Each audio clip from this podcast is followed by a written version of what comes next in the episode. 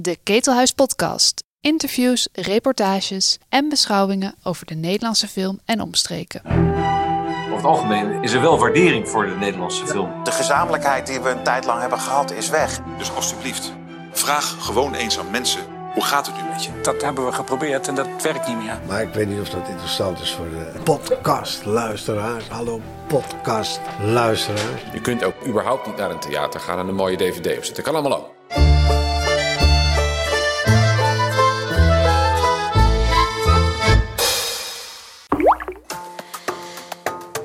Vandaag wordt Maarten Meinema benoemd als nieuwe minister van Buitenlandse Zaken. Meinema is lange tijd actief geweest voor de Verenigde Naties en wordt door zijn partij naar voren geschoven als de ideale kandidaat. Hij wordt gezien als een zeer ervaren bestuurder met een groot internationaal netwerk. Hij staat bekend om zijn knappe dialogen en zijn ingenieus opgebouwde verhaallijnen. Frank Ketelaar, een van de meest geroemde en actieve scenaristen van Nederland. Hij schreef speelfilms als In Oranje en publieke werken, de televisieserie De Prooi en de musicals Tina en Hij gelooft in mij. De laatste jaren is hij steeds vaker zijn schrijfwerk zelf gaan regisseren, zoals de successeries Vuurzee, Overspel en Klem en de politieke thriller Buza, die momenteel te zien is via de NPO. In deze vierdelige serie speelt Kees Prins een drankzuchtige diplomaat die nog rouwt om zijn onlangs overleden vrouw als hij onverwacht wordt gevraagd om minister van Buitenlandse Zaken te worden. Floortje Smit ontmoet Frank Ketelaar, waar kan het ook anders, op het Binnenhof in Den Haag, voor een gesprek over macht, puntkomma's, het spelen van dronkenschap en dubbeltjes die kwartjes worden. Maar wat leuk dat je me wilde zien hier in het Ja, nee, centrum van de macht. Ik vind het leuk om hier weer eens eh, weer, eh, terug te komen. We hebben natuurlijk een half jaar geleden hier gedraaid. En hebben we heel veel rondgelopen hier. En ik vond het eigenlijk ontzettend leuk om hier te zijn. Wat is er leuk aan Den Haag? Nou, het is mooi. De Binnenhof is natuurlijk prachtig. En eh, er zit een heel rondje omheen wat gewoon heel leuk en pittoresk en, en, en stedenschoonachtig is. Had je... eh, ehm, Moet ik hem zelf vasthouden? Wat, nee, nee, nee, nee. Ik hou, hem- ik hou hem zelf... Dan heb ik controle. Oké, hè? oké. Had jij... ehm, wa- wat, wat heb jij met het, eh, het, het centrum van de macht? Nou ja, ik, ik, ik volg het natuurlijk in de krant eh, redelijk goed en het interesseert me. En ja, ik ga waar het drama gaat. Dus eh, macht is. mijn goede collega William Shakespeare heeft ook heel veel over macht geschreven. Alle koningen en alle, alle koningsdrama's. Macht is spannend, maar het gaat over leven en dood. Macht is, heeft iets, eh, iets, iets, iets intrigerends. Eh, drama. Ja, het is een goudmijn in die zin natuurlijk dat het inderdaad met elk mens iets anders doet. Het hebben van macht. Ja, ja zeker. En eh, de, de mensen die het moeten ondergaan, daar is, dat is fascinerend. En, maar ook de mensen die het natuurlijk hebben, die het uitoefenen. Eh, ja, de, de koning, de, de, de Nero's, de Caligula's, de, nog naarder de Stalins, de Hitlers, de Mao's. Dat is allemaal ja, toch fascinerend. Die slechtheid fascineert ons ook. We, staan nu, eh, we zijn net langs het Binnenhof, daar zijn ze druk aan het verbouwen. Dus daar kunnen we denk ik niet te lang blijven. Nee, nee, nee, dat, laten we dat niet doen. Ehm, ik dacht even eh, langs de Hofvijver. Ja, leuk. Prima. Die zi- zit die, ik, ik liep er net al langs en toen dacht ik, zit, zit er nou een shot van de Hofvijver in of niet? Ja, de auto rijdt er wel eens langs waar Kees in zit. En we hebben ook een vrij stevige scène gedraaid in het restaurant daar. Met uitzicht op het torentje, zeg maar aan de Hofvijver. Alleen dat zie je niet zo heel erg meer terug. Dus als je een restaurant van binnenuit ligt... dan moet je erg je best doen om, de, om de, zeg maar, het uitzicht ook nog eens uit te lichten. Om daar iets van terug te krijgen. Maar als je goed kijkt, dan zie je het wel hoor. Maar eh, het zit er wel in. Maar ik wou wel een beetje de clichés vermijden. Want elke Nederlandse politieke se- serie of film... Ja, begint met een soort wandeling rond de Hofvijver. Ik dacht, ja, laten we dat nou maar niet doen. Die kennen we inmiddels wel ook. Nou ja, dit is gewoon zo'n cliché. Je probeert toch een beetje iets te zoeken wat je nog niet, eh, wat je nog niet zo vaak ziet. Daar hebben we ook gedraaid. Is een restaurantje. Het Indisch restaurant waar eh, Kees voor het eerst dan gaat eten met Sanne. Oh ja, ja. Eh, en dat is ook het restaurant waar Mark Rutte graag eet. En er is ook een tafel altijd voor hem gereserveerd. Is dat altijd klaar? Oh, En toen jullie gingen draaien, moest die toen blij- blijven staan, die tafel? Of mocht... eh, Nee, want toen wij gingen draaien was de, ongeveer de zwaarste periode in de coronatijd. Dus het was avondklok en lockdown. Het had bovendien ook nog gesneeuwd toen, toen we hier begonnen buiten. Dus wij waren s'avonds klaar met draaien en toen moest ik naar huis rijden. En toen was het helemaal uitgestorven en, en, de, en de sneeuw lag een half meter hoog. Dus ik wist werkelijk niet meer waar het voetpad was of waar de tram was. Want ik kon me nergens op oriënteren.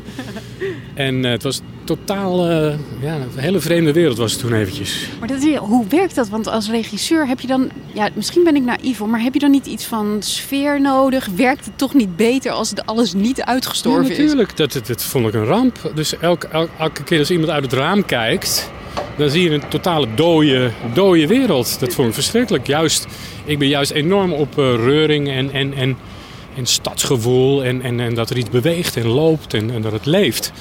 En het was toen to- volledig weg. Dus dat was heel lastig. Dus we hebben ja, kunstmatig iets aan moeten doen. Je kunt met geluid nog iets doen. Elke bus, de bussen mochten nog wel rijden. Elke bus die, rijdt, die zit ook in alle shots. Ook alle trams die daar, daar- staat, eh, ik weet niet waar je heen wil lopen, maar daar staat een tentje. Elke tram die daar langs rijdt, die, die, die gaf leven tenminste. Dus die zit, ook, die zit er ook allemaal in. Ja, ja, ja. Ja, grappig. Maar toch heeft het ook wel iets voor een politieke serie. Als het een beetje leeg is, als het een beetje... Toch? Ik hou niet van, eh, nee, ik hou van leven en, en, en, en drukte. En, eh, nou ja, eh, mijn favoriete series, The West Wing bijvoorbeeld, ja, daar, daar komen per scène lopen er 200 figuranten voorbij. Dat vind ik echt heerlijk. Dat geeft de, geeft de schwung en de, en de reuring en de, Oh, wat grappig. Zo heb ik eigenlijk nooit naar die serie gekeken. Ik, ik heb me altijd gefocust op die personages. En dan zie je ze toch niet. Nou ja, je ziet ze niet, maar je voelt ze wel. Ze zijn er wel. En eh, ja, moet je maar eens kijken. Ze maken natuurlijk altijd van die loopjes door de gang en die walk and talks. Ja, dat, dat krioelt van de mensen aan. Dat maakt het zo lekker, vind ik. Dat is ook bijvoorbeeld in, op eh, Amazon hebben ze nu de eerste seizoen ER weer gezet. Dat is natuurlijk inmiddels 25, 30 jaar oud of zo. Het is nog steeds hartstikke leuk. Maar ook daar 200 figuranten per scène. Het hele ziekenhuis dat, dat, dat, dat vibreert, dat, dat danst. Dat vind ik heerlijk. Ja. Dus dat, dat, dat vond ik echt heel lastig omdat, om- toen we met die avondklok hier moesten draaien. Hmm. Ik vind wel dat, dat ehm, het, het is ontzettend lastig hè? Als, je het, als je iets politieks draait. Het gaat over ehm, mensen die praten in kamertjes. Dat is feitelijk politiek drama, toch? Dat klopt, ja. Daarom moesten we ook ons best doen, of heb ik geprobeerd mijn best te doen om het levendig te houden. Dat heb ik, daarom heb ik een hele levendige, ruige cameravoering gekozen. Die voor de kennis een klein beetje afgekeken is van Succession. Eh, maar die vond ik ook heel goed werken, omdat je dan meer het gevoel krijgt dat je er met de camera een beetje eh, eh, toevallig bij bent. Dus je, oh, daar gaat iemand praten, dan zoomen we even naartoe. En dan zoomen we weer terug en dan bewegen we daar naartoe. Dat houdt het een beetje, ja, dat houdt het levendiger. Ik hou ook wel van een hele verzorgde, zeg maar David Fincher-stijl met hele mooie, eh, prachtig uitgelichte, uitge, uitgekiende kaders. Maar die vond ik voor dit te statisch. Hmm. Dus ik wou het graag in beweging houden, Ja. zoveel mogelijk. Ja, en ik vind dus inderdaad iedere keer de locaties heel erg leuk. Want het is heel het- er zit heel veel variatie in. Ja, dat, dat probeer je. Ik ben. eh, mijn hele wezen is ongeduld en ongedurigheid. Dus ik vind heel snel dingen saai. Dus zodra ik ergens twee minuten ben, dan wil ik alweer door. Dan wil ik alweer weg en doorsnijden en ergens anders heen. En nu moeten ze weer bewegen en lopen. En Ja, dat, dat, dat zit er een beetje in bij mij. Vandaar misschien dat het ook meteen met heel dik drama begint. Het is die arme man. Laten we even vertellen waar het verhaal over gaat. er treedt een nieuwe minister van Buitenlandse Zaken aan. Eerste dag. Meteen heeft hij te dealen met een, een ambassadeur en een dode prostituee. En eh, er zitten drie Nederlanders in een dode cel in, eh, in Zuid-Amerika. Ja, dat is heel veel drama tegelijk. Ik kan daar twee dingen over zeggen. Ten eerste, het plan was een tiendelige serie. Daar ben ik mee naar de NPO gegaan. Hebben we er twee, drie, vier aan lopen duwen en trekken. Kregen we er niet doorheen. Met, bij Gods gratie mochten we er vier maken. Toen dacht ik, nou ja, toch, toch leuker om iets te maken dan niets. Dus toen heb ik het hele plan eigenlijk weer in de, in de, in de blender gegooid en wel opnieuw bedacht. Eh, dus vandaar dat het nogal geconcentreerd overkomt. Dat hoor ik wel vaker hoor. Dat mensen zeggen, nou het is wel erg veel eh, wat die man... eh, Oh, ik vond het heerlijk. Het stoorde me ook helemaal niet hoor. Nou ja, oké. dat ten tweede is het wel zo dat op zo'n departement... We hebben het net met Afghanistan gehad. En toen wij er een beetje mee begonnen, toen kwamen, mochten we ook daar werden we ontvangen. Dan mochten we beetje rondkijken en hebben ze heel, eh, heel aardig met ons gesproken. Toen was net die MH17-crisis geweest. Nou ja, dan is dat daar echt een gekkenhuis en een, en een mierenhoop en een, en een pressure cooker van eh, belangen, dilemma's, eh, familieleden die bellen, eh, eh, lijkkisten, kampen die moeten worden georganiseerd. Dus het kan daar waanzinnig hectisch zijn. Dus ja, als je dan vier, een verhaal van in vier delen doet, ja, dan wil ik ook wel meteen stevig beginnen. Ja. Trouwens, ik heb, ik heb, al de, ik heb de recensies gelezen. De, con- de consensus was eigenlijk wel overal... Nou, dat had wel een tiendelige serie mogen zijn, Dat toch? zegt iedereen. Iedereen zegt eh, jammer dat het niet langer is. Ja, en dat kan ik natuurlijk alleen maar beamen. Maar dat kregen, ja, dat kregen we er niet door. Misschien een vervolg, dat weet je nooit. Nou ja, dat... eh, eh, ja, laten we deze kant op gaan. Ja. Langs de vijver, gewoon klassiek. Ja. Ehm, nou ja, dat is... Nou, dat is... Ja, ik vind het natuurlijk ontzettend leuk en aardig als mensen dat zeggen. Ehm, maar... eh, Het is... Kijk, wij werken in Nederland. Het is allemaal heel... Ik ga niet uit het zeuren hoor, maar ik- eh, twee minuten dan. Heel even mag Heel ja. eventjes. Eh, Het is heel moeilijk om iets van de grond te krijgen. Daar begint al mee. En dan krijg je een budget waar het eigenlijk niet voor kan. Ja. Want het, dit gaat over de minister van Buitenlandse Zaken. Wat doet hij? Die zit in een vliegtuig en die gaat naar het buitenland. Daar heb ik allemaal geen geld voor. Nee. Dus hoe ga ik dat doen? Die rijdt bovendien ook in dure auto's en die heeft goede pak aan. En die zit ook in een chic kantoor met uitzicht over Den Haag. Anders ziet het er heel lullig uit. Anders krijg je, eh, ja, anders krijg je helemaal mensen die in, een- in, een, in een lelijk kamertje aan, eh, zitten te lullen over, over saaie dingen. Ja. Dus het is, kost ongelooflijk veel kunst en vliegwerk om, om, eh, om dat een beetje, eh, sowieso al visueel, maar ook eh, op allerlei andere gebieden eh, leven in te blazen. En, en geloofwaardig te krijgen en interessant. En ook liefst met een klein beetje opwinning. En, en dat je denkt, wauw, dat is, dat, dat is wel wat. Zullen we hier even ergens gaan zitten op zo'n bankje? Is Ja, dat... hoor, prima. Nou ja, dat, dat gaan we dan allemaal voor die vier afleveringen gaan we dat optuigen. En we gaan natuurlijk eh casten. En we, we hebben een fantastische cast kunnen vinden. En, eh, Het is wel nat, zie ik. Is dat erg? Nou ja, ik heb mijn setjas aangehouden. Want het oké. was koud. Zetjas, ja. Ja. Ehm, dat is... ehm, eh, ja, voor de vierde aflevering hebben we dat dan voor elkaar gekregen. En, en dat is dan aardig gelukt. En, maar als ik dat nu allemaal weer helemaal opnieuw moet gaan... eh, we hebben een etage gevonden. Dat is daarin, dat hoort het, dat een Babylon. Ja, dit is aan die grote, de skyline van, eh, van Den Haag. Ja, daar hebben we dus met heel veel eh, kunst en vliegwerk een set kunnen bouwen die je, die je, dan, die je wel gelooft als, als, als de etage van buitenlandse zaken. Want het echte buitenlandse zaken is natuurlijk veel mooier. Daar hebben we ook een eh, rondleiding gekregen. En dan zit ook allemaal, de, de, bijvoorbeeld de minister heeft een privé toilet, weet je wel. De minister, als je bij de minister komt moet je eerst door een sluis heen waar drie secretaressen zitten, secretarissen. Dat, dat, kun- dat kunnen we allemaal niet doen. Dat is buitengewoon frustrerend. Stel nu dat men zegt, nou, we vinden het toch wel leuk. eh, Doe er nog eens vier of acht of, of tien. Ja, dan moet alles weer opgetuigd. Dat is zo inefficiënt en zo... Dat je denkt, ja, maar nu, dit nu weer helemaal opnieuw gaan eh, beginnen. Dat, is, dat, dat, kan, dat kan. En dat is natuurlijk ook hartstikke leuk. Maar ja, dan ben, je weer, eh, ben ik weer twee jaar verder. Ik moet het ook nog allemaal bedenken en schrijven. Ja. Maar je hebt de blauwdruk, heb je natuurlijk al. Want je hebt, je hebt Kees Prins, heb je. Je hebt... eh, Dus het zou in principe wel kunnen. Eh, ik, kijk, ik, ik, ik vind alles leuk, dus ik zou, ik zou meteen ja zeggen. Maar ik heb intussen natuurlijk ook drie, vier, vijf andere dingen alweer op mijn bureau liggen. Dus ik zou niet zo goed weten wanneer ik dat zou moeten doen. Maar daarom vind ik het zo jammer dat er niet meteen een initieel klein stukje vertrouwen is. Dat je zegt, nou, laat die, laat die jongen van Ketelaar, die heeft er wel een paar dingen gedaan die, die nog wel een net redelijke succesjes. net een beetje aardig waren. Laat die, geef, die, die gozer een klein beetje ruimte om in ieder geval acht te maken. Want dat Busa, dat is een fantastische arena voor drama. Ja. Dat, is, nou ja, dat, dat, dat zie je dus nu ook. We hebben nu ook natuurlijk weer Afghanistan gehad. Ik las gisteren, wat las ik nou weer in de krant? Mensen op ambassades hier die hier bedreigd worden. Er is een, er is een spion, een Nederlandse spion, van wie ze niet, natuurlijk niet willen toegeven dat er een spion is in. Waar was dat nou ook alweer? Nou, ja, er gebeurt, ik lees elke dag iets in de krant dat ik denk, Jezus, dat had ik weer een aflevering eh, geweldig materiaal mee eh, gehad. En intussen natuurlijk de persoonlijke lijnen van de mensen die het maar moeten doen. Die ook waanzinnig interessant zijn, vind ik. Eh, zie Sigrid Kaag, wat hij allemaal over zich heen heeft gekregen. Die, die zich nog eens drie keer op de hoofd krabt en denkt: waarom ben ik hier ook alweer t- teruggekomen om dit baantje te gaan doen? Ja, ja. Plus de mensen, de staf die er omheen loopt, die ook waanzinnig interessant is. Die altijd maar met de. Praat ik veel te snel of niet? Nee hoor, helemaal niet. Ik loop helemaal leeg als Ja, heerlijk. af als een wekker. Ehm, de staf die moet loyaal zijn, die moet de minister uit de wind houden, die moet het over de beeldvorming waken. De beeldvorming is natuurlijk het toverwoord wat boven het ministerie hangt. Het er wel eens helemaal niet mee eens kunnen zijn, opdrachten moeten uitvoeren, conflicten hebben onderling. Ja, het is allemaal te interessant voor woorden. Ja. Voor drama. Ja. En wat je weet natuurlijk is, is de buitenkant hè, van politiek. Dat weet je ook. Ja. Je zei, ik lees de krant, ik ben ermee bezig. Ja. Ehm, hoe heb je die achterkant, eh, hoe ben je daar ingedoken?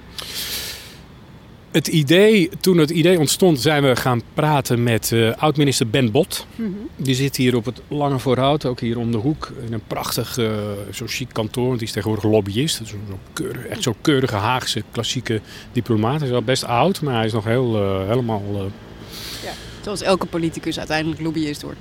zoals elke politicus. Ja, daar, daar kan je ook nog iets over doen natuurlijk. ja, zeker. Maar dat zit, nou, daar zit ook wat.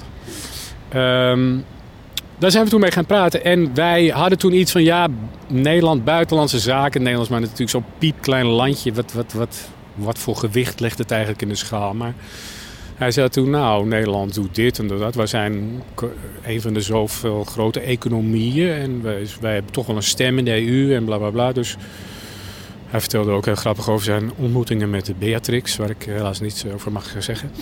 Dat was wel leuk. En hij zei ook, wat wij ook leuk vonden, was... eh, de minister van Buitenlandse Zaken verkeert in chronische staat van jetlag. Ah ja.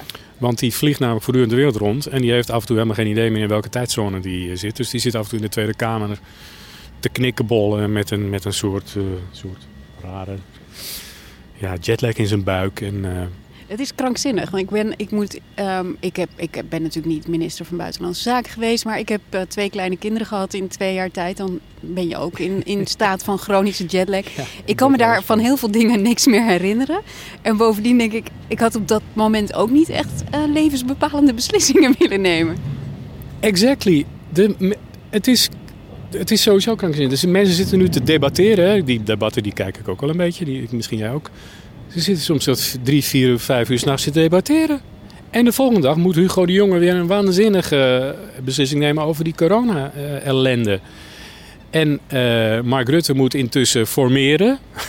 En die moet ook nog af en toe even eh, een rondje Europa doen. En het afscheid van Merkel en de NAVO en de EU en weet ik veel wat. En formeren en de corona. En, en een debat met, met 16 partijen waarvan, eh, waarvan de vier of vijf eh, krankzinnig eh, idioten bevat. Het is, nee, maar serieus. We moeten genadeloos kritisch zijn op de boven ons gestelde. Dat, dat zal ik elke keer zeggen. Maar doe het maar. Ga er maar zitten. Doe het maar eens. Het is werkelijk... Het is een hondenbaan. Er wordt veel gesproken over mensen die plakken aan het plush. Ik denk, dat, wat is er zo lekker om aan dat plush te plakken? Ik weet wel leukere dingen om aan te plakken. Het lijkt jou vreselijk. Het lijkt mij vreselijk, ja. Ja? En nog afgezien van het feit dat, en dat zegt Kees ook in de eerste aflevering van Buza, bloed aan je handen. Hmm. Hoe dan ook krijg je bloed aan je handen. En ja, daar moet je maar mee om kunnen gaan. Ik zou er niet van kunnen slapen. Moet je daar een speciaal type voor zijn? Kijk, jij bent, Ik vraag jou dit omdat je scenarist bent. Dus je moet je verdiepen. In... Zullen we gaan lopen? Ik krijg het koud. Ja, is goed. Wat voor type moet je daarvoor zijn? Eh, ja, dat is de beroemde eh, spreekwoordelijke dikke huid hè, die de Hmm. mensen moeten hebben. Dat, als ik, ik, ik krijg, ik mag helemaal niet mopperen, ik krijg altijd best wel aardige stukjes in de krant en of op social media. En als ik één vervelend stukje krijg, dan loop ik, loop ik daar een week over na te denken. Ja, ja, Dat is natuurlijk heel stom. Dat je denkt, ja, hoezo? Eén eikel vindt er niks aan. Nou, dat kan toch? En toch? Hmm. Maar als Hugo de Jonge of Mark Rutte de krant openslaan, Moeten ze niet doen, denk dat ik. moeten ze niet doen. Nee, nee. Dus die kunnen eigenlijk geen kranten lezen. Die moeten ook niet op Twitter kijken. En dan hebben we het nog niet eens over dat je tegenwoordig de doodsbedreiging in je brievenbus krijgt. Of de bewaking. Of de... Ehm, het, het bijzondere is wel, want er zijn gelukkig, want ja, we hebben die mensen ook nodig. Eh, er zijn gelukkig mensen die het willen doen en die, het, die, het, die dus wel naar het plus willen plakken. Want ik begrijp dat Hugo de Jonge, die wil gewoon door. Nou, wat je ook verder van hem vindt en wat er allemaal fout gaat, en daar kun je, ben ik het allemaal mee eens en daar kun je het over hebben. ik vind dat toch, ik, ik moet zeggen, dat neemt me toch, toch voor hem in. Ik denk dat dit toch gewoon dat verlangen naar macht is. Dat zou kunnen, ja. Ik, dat ken ik dus zelf niet. Macht, in- ik heb niks met macht. Dus eh, ook als ik op de set, als ik regisseerde, dan ben ik zeg maar ja, de baas. Maar dat, dat ben ik eigenlijk liever niet. Dat, Nee? nee, nee. Dat, Wat voor regisseur ben je dan? Je bent dus geen schreeuwer. Nee, ik ben veel te lief eigenlijk. Ik, ben, ik, ben, ik vind mezelf niet zo'n goede regisseur hoor.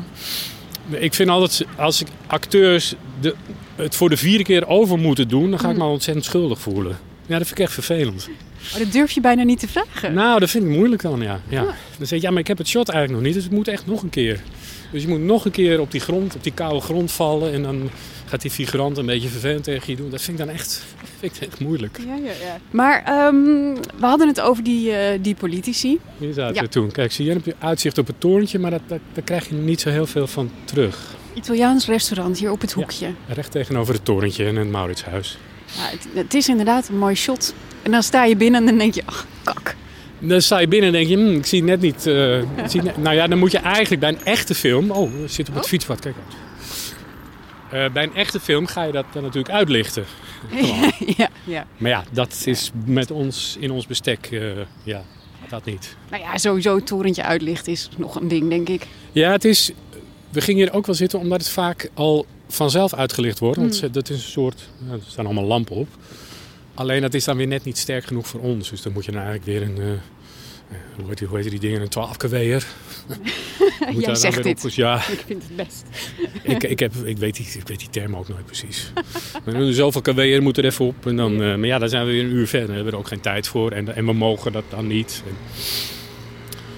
eh, we hebben hier ook wat reisshots gemaakt. We zijn nu bij, bij de Schouwburg. eh, bij- vlakbij het Lange Voorhout. Maar het was avondklok. Dus het was ook totaal uitgestorven. Dus hebben we met, met onze eigen auto's... eh, die, die, waarin gewoon de acteurs worden gehaald en gebracht. Hebben we dan een heel klein beetje op en neer gereden. Zodat het niet helemaal dat je denkt van wat is hier aan de hand. Het Lange Voorhout, dat is hier... Maken in Nederland, meneer. ja, Dit is, eh, dit is de plek waar ze dan die schimmige afspraakjes hebben, toch? we gaan filmen. Oh ja. Nou ja, ja is dit film of... Het ziet er best... Dit ziet er klein uit, toch? Misschien is het een fotoshoot. Ja. Ja. Maar ehm, is dit nou die plek waar ze dan afspreken? Ja, daar verderop hebben we wat scènetjes gedaan. Dat ze eh, met, eh, met wat eh eh, eh, Raoul en, eh, en eh, Daar voeren ze hun stiekeme gesprekken. ja, ja, ja, ja.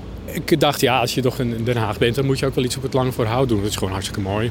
Zeker. Nou ja, en het is weer eens wat anders dan een parkeergarage. Want de meeste Amerikanen en Amerikaanse series die doen dat soort dingen in parkeergarages, toch?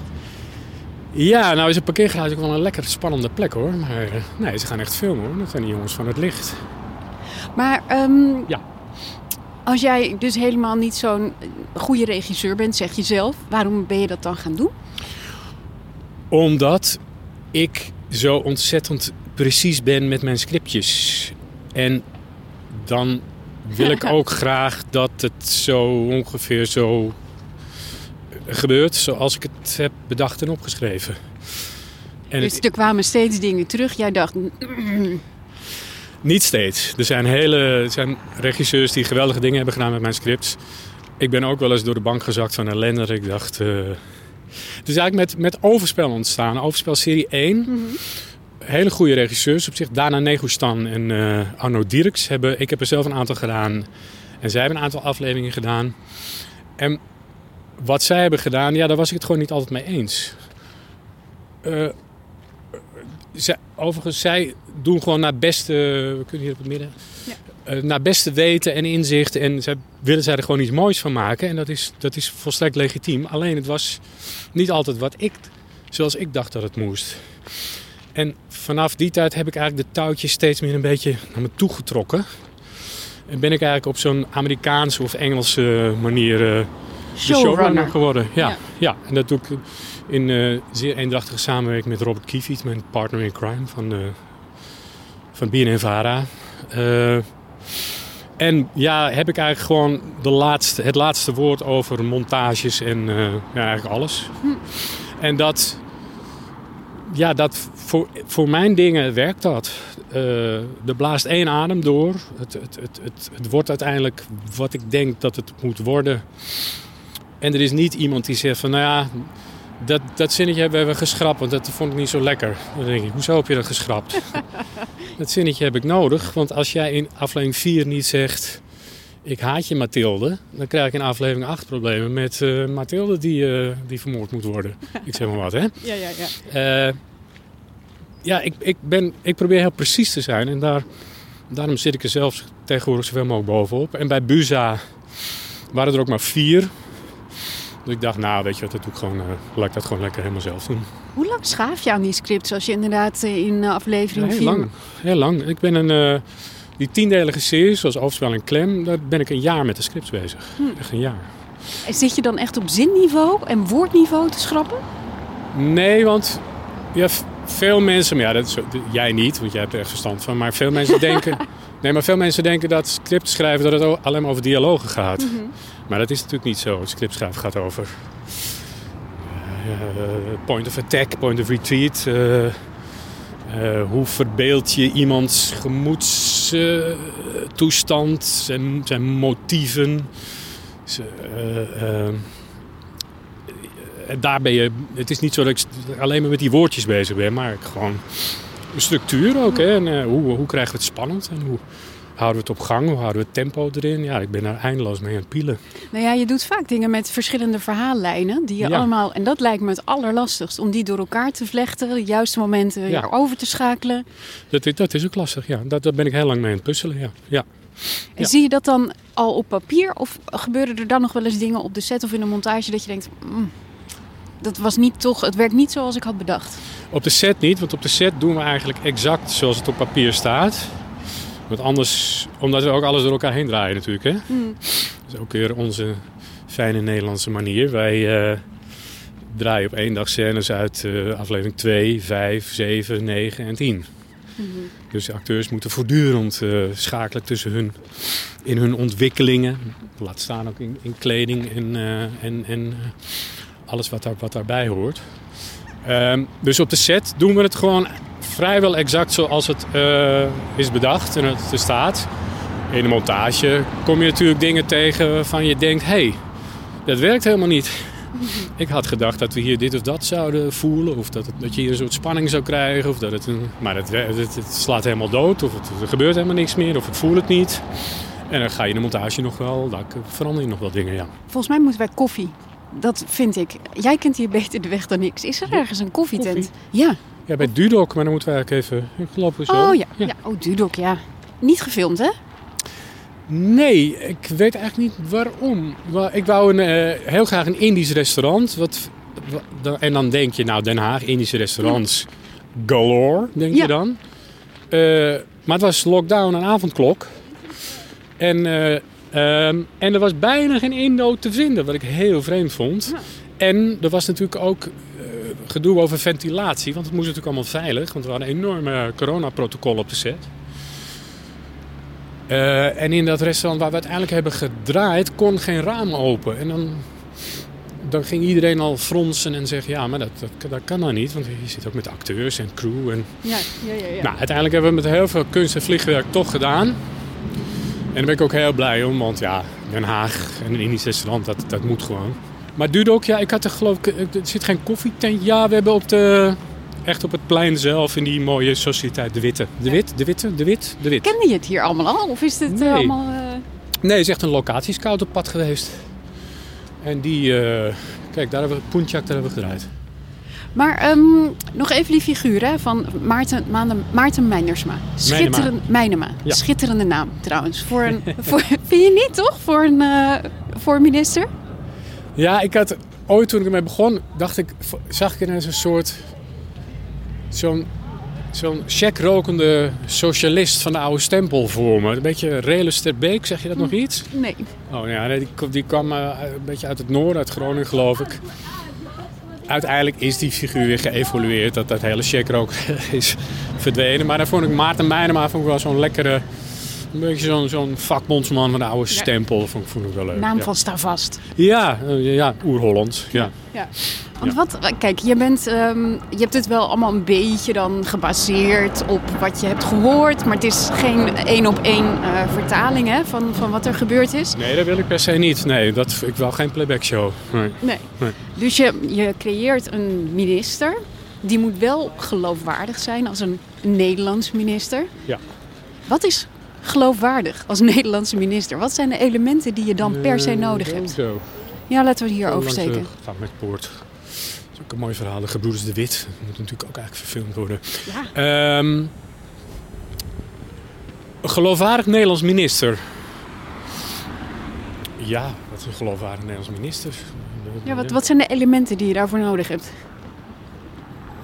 Ja, er wordt Jan en Alleman wordt tegenwoordig minister, toch? Eh, ja, dat, ik, ik weet niet of je daar nou een soort algemene regel voor kunt vaststellen.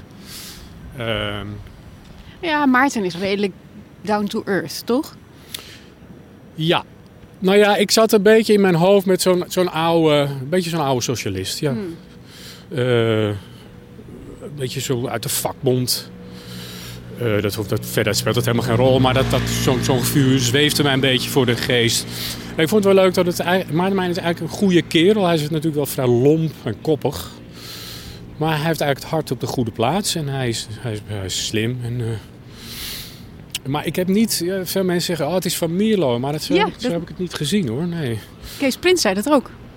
Of die zei dat hij daarnaar had gekeken. Ja, die had ernaar gekeken, ja. ja. Maar dat heeft hij, eh, heeft hij mij niet bij geroepen. Dat, eh, ja, god, hij zoekt inspiratie, dat snap ik best wel. Ehm, nee, ik heb, ik heb helemaal... Dat komt eigenlijk helemaal uit mijn dikke duim, al die, eh, al die, eh, al die mensen. Ja, een, een oude... Zoals, ik, toen ik ermee begon, toen hadden we nog een... hadden we nog een eh, Samson-Rutte-kabinet. Dus het was een twee-partijen-kabinet. Hele ingewikkelde coalitie. Nou, die, die echo voel je nog wel een beetje in, in het verhaal. Ehm, en die politieke situatie, dat is eigenlijk een beetje de basis van hoe ik het zag. Maar ik, ik kwam al meteen op het, vind ik zelf, nog steeds slimme idee om geen partijen te noemen. Want ik dacht, ja, als ik nu, als ik nu heb over Partij van de Arbeid en we, we gaan het maken en we gaan het uitzenden, dan is de Partij van de Arbeid misschien wel weg. Of, Ja.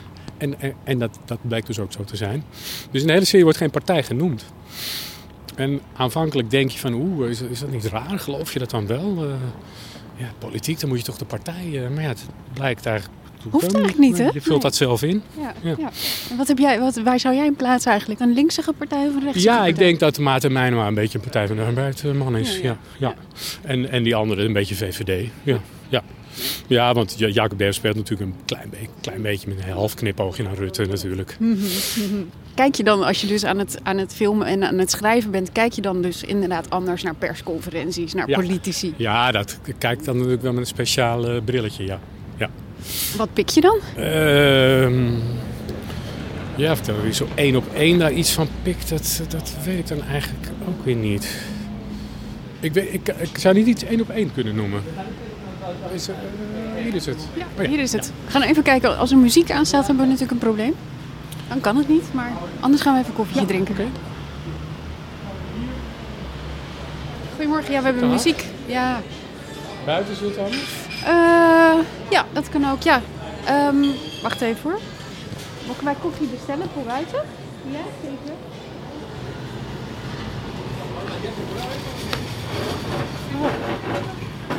Handschoentje mee moeten nemen. Ik vergis me steeds in het weer. Ik weet gewoon steeds... In, voor mijn gevoel is het ook gewoon nog steeds... ah, Indian summer, oktober. Zo. Oh. Ehm, waar sla jij nou op aan? Wat, wat zijn nou de dingen waarvan je denkt van... Daar gaat je scenaristenhart sneller van kloppen? Ja, eh, drama in de breedste zin des woords. eh, dilemma's. Eh, en ook wel, geloof ik wel, dat je hebt het idee, eh, eh, een soort gevoel hebt van... Dat had mij ook kunnen overkomen. Wat, wat veel mensen ook wel met, bijvoorbeeld met klem hadden.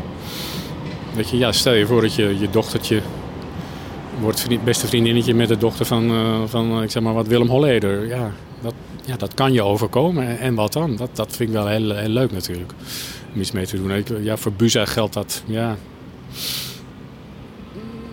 ja dat, dat, voor Buza geldt dat misschien minder. Ehm, Hoe kwam je daar eigenlijk op het idee? nou, ik, ik, was, een- ik ben een waanzinnige fan van de West Wing. Ik wil eigenlijk de, de Nederlandse West Wing proberen te maken. En er zoomde iets rond van eh, dat er belangstelling was voor series over politiek. En toen schoot het mij te binnen. Ja, bij Buza, daar is altijd wat aan de hand. Daar spelen de grote dilemma's. Daar is ook met buitenland. Ja, toen, volgens mij had je net die gijzelingszaak met Arjan Ekels, kan dat? Die zat geloof ik in Afghanistan. Waar zat hij ook alweer? Ja, zoiets ja. in een van de Engeland.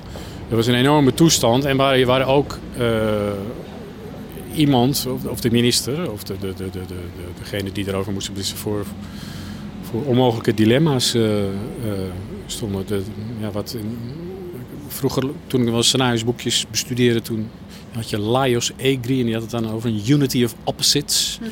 Dat betekent dat je over eh, het ravijn probeert eh, te glibberen over een boomstam. En dan komt aan de voorkant komt een leeuw je tegemoet en aan de andere kant een eh, beer. En dan zit je in een unity of opposites en red je daar maar eens uit. Dat is, je kunt ook gewoon zeggen, een onmogelijk dilemma. Ehm, wat moet je doen? Je, je kunt niet, als iemand gijzelaar is, een Nederlander in het buitenland, je, gaat, je wilt geen losgeld betalen. Want dan, dan kun je natuurlijk wachten tot de volgende en de volgende en de volgende ook gekidnapt wordt. Aan de andere kant word je de hele dag gebeld, ook het ministerie door de familie, die zegt: eh, eh, Doe iets, eh, zorg dat die man vrijkomt. Ja. Ja, wat moet je doen? Ja. Onmogelijke duivelse dilemma's. En die, zitten, die, die zijn aan de orde van de dag in de politiek. En daarom is politiek, vind ik, interessant. Ja, maar dat heb je, heb je dat, zou je dat minder hebben bij, bij binnenlandse zaken bijvoorbeeld? Nou ja, toch wel, denk ik. Hè? Dan gaat het toch meer over, moet er een snelweg komen bij Hoevelaken of, eh, eh, of moet ik gehoor geven aan de milieugroepen die daartegen protesteren? Dat is, dat is natuurlijk ook een dilemma, maar dat is toch, spreekt toch iets minder tot de verbeelding, vind ik. Ook dit MH17, dat was toch echt... Frans Timmermans, dat hebben we ook in de lieden gestopt, eh, die daar die speech zit houden in de Veiligheidsraad. Dat was toch echt... Dat heeft enig, een enorme opwinding, heeft dat, vind ik. Een dramatische opwinding. Het gaat wel, het gaat ergens over. Wat, wat, wat ik er mooi van vind ook aan Buza is dat je, je laat heel erg die opkomst van sociale media zien. Hoor. Je zegt dus dat je al een paar jaar aan het schrijven bent. Er Zijn, er zitten wel, het is een soort lastige balans geweest, denk ik, tussen wat je wel en wat je niet kan doen. Want je wil het niet te actueel houden, maar het kan natuurlijk heel ook nooit zonder actualiteit. Nee, dat is heel lastig omdat eh, hoe je zo- zo'n serie als dit maakt. Je bent, ja, je bent echt een tijd bezig met schrijven en bedenken. En dan moet je door al die lagen heen, bijvoorbeeld de NPO. En, en eh, uiteindelijk mag je het dan maken. Ja, dan ben je alweer een jaar of twee jaar verder. Dan ga je produceren, dan ga je casten. Nou, dan je, bent een half, uh, doe het ook een half jaar. Dan ga je het monteren, doe dan ben je ook weer drie, vier maanden verder. En dan ligt het ook nog wel eens een half jaartje op de plank voordat ze het gaan uitzenden. Dus als je actueel probeert te zijn, dan dat is vragen om moeilijkheden. Dat, dat gaat altijd mis. Ehm, dus eh, je, moet daar, ja, je moet daar slim in proberen te manoeuvreren. En overigens, die, dat die sociale media, dat is echt wel... Het is natuurlijk altijd al, al vijf of tien jaar gaande.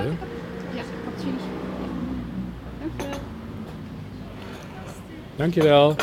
Maar het neemt natuurlijk de laatste twee jaar eigenlijk toch pas zo'n vlucht met, met, met alle narigheid en bedreigingen en, en, en eh, toestand. Dus dat had ik er nog niet zo helemaal in zitten. Ik heb het er nog wel een beetje bij eh, in verwerkt. Maar die dominantie van de sociale media, dat zit er nog niet in. Dat zou bijvoorbeeld nu, als ik stel dat ik een vervolg zou maken, zou ik, dat, zou ik daar misschien veel meer mee doen. Ja. Ik wil, het, eh, ik wil het even hebben over Kees Prins. Ja. Die jij net zo makkelijk een eh, mafiosi laat spelen als een eh, minister van Buitenlandse Zaken. Waarom, waarom kan hij dat allemaal? Omdat hij als kind in de ketel met talent is gevallen. Dus hij kan gewoon alles. Hij kan, hij kan bijvoorbeeld ook prachtig zingen.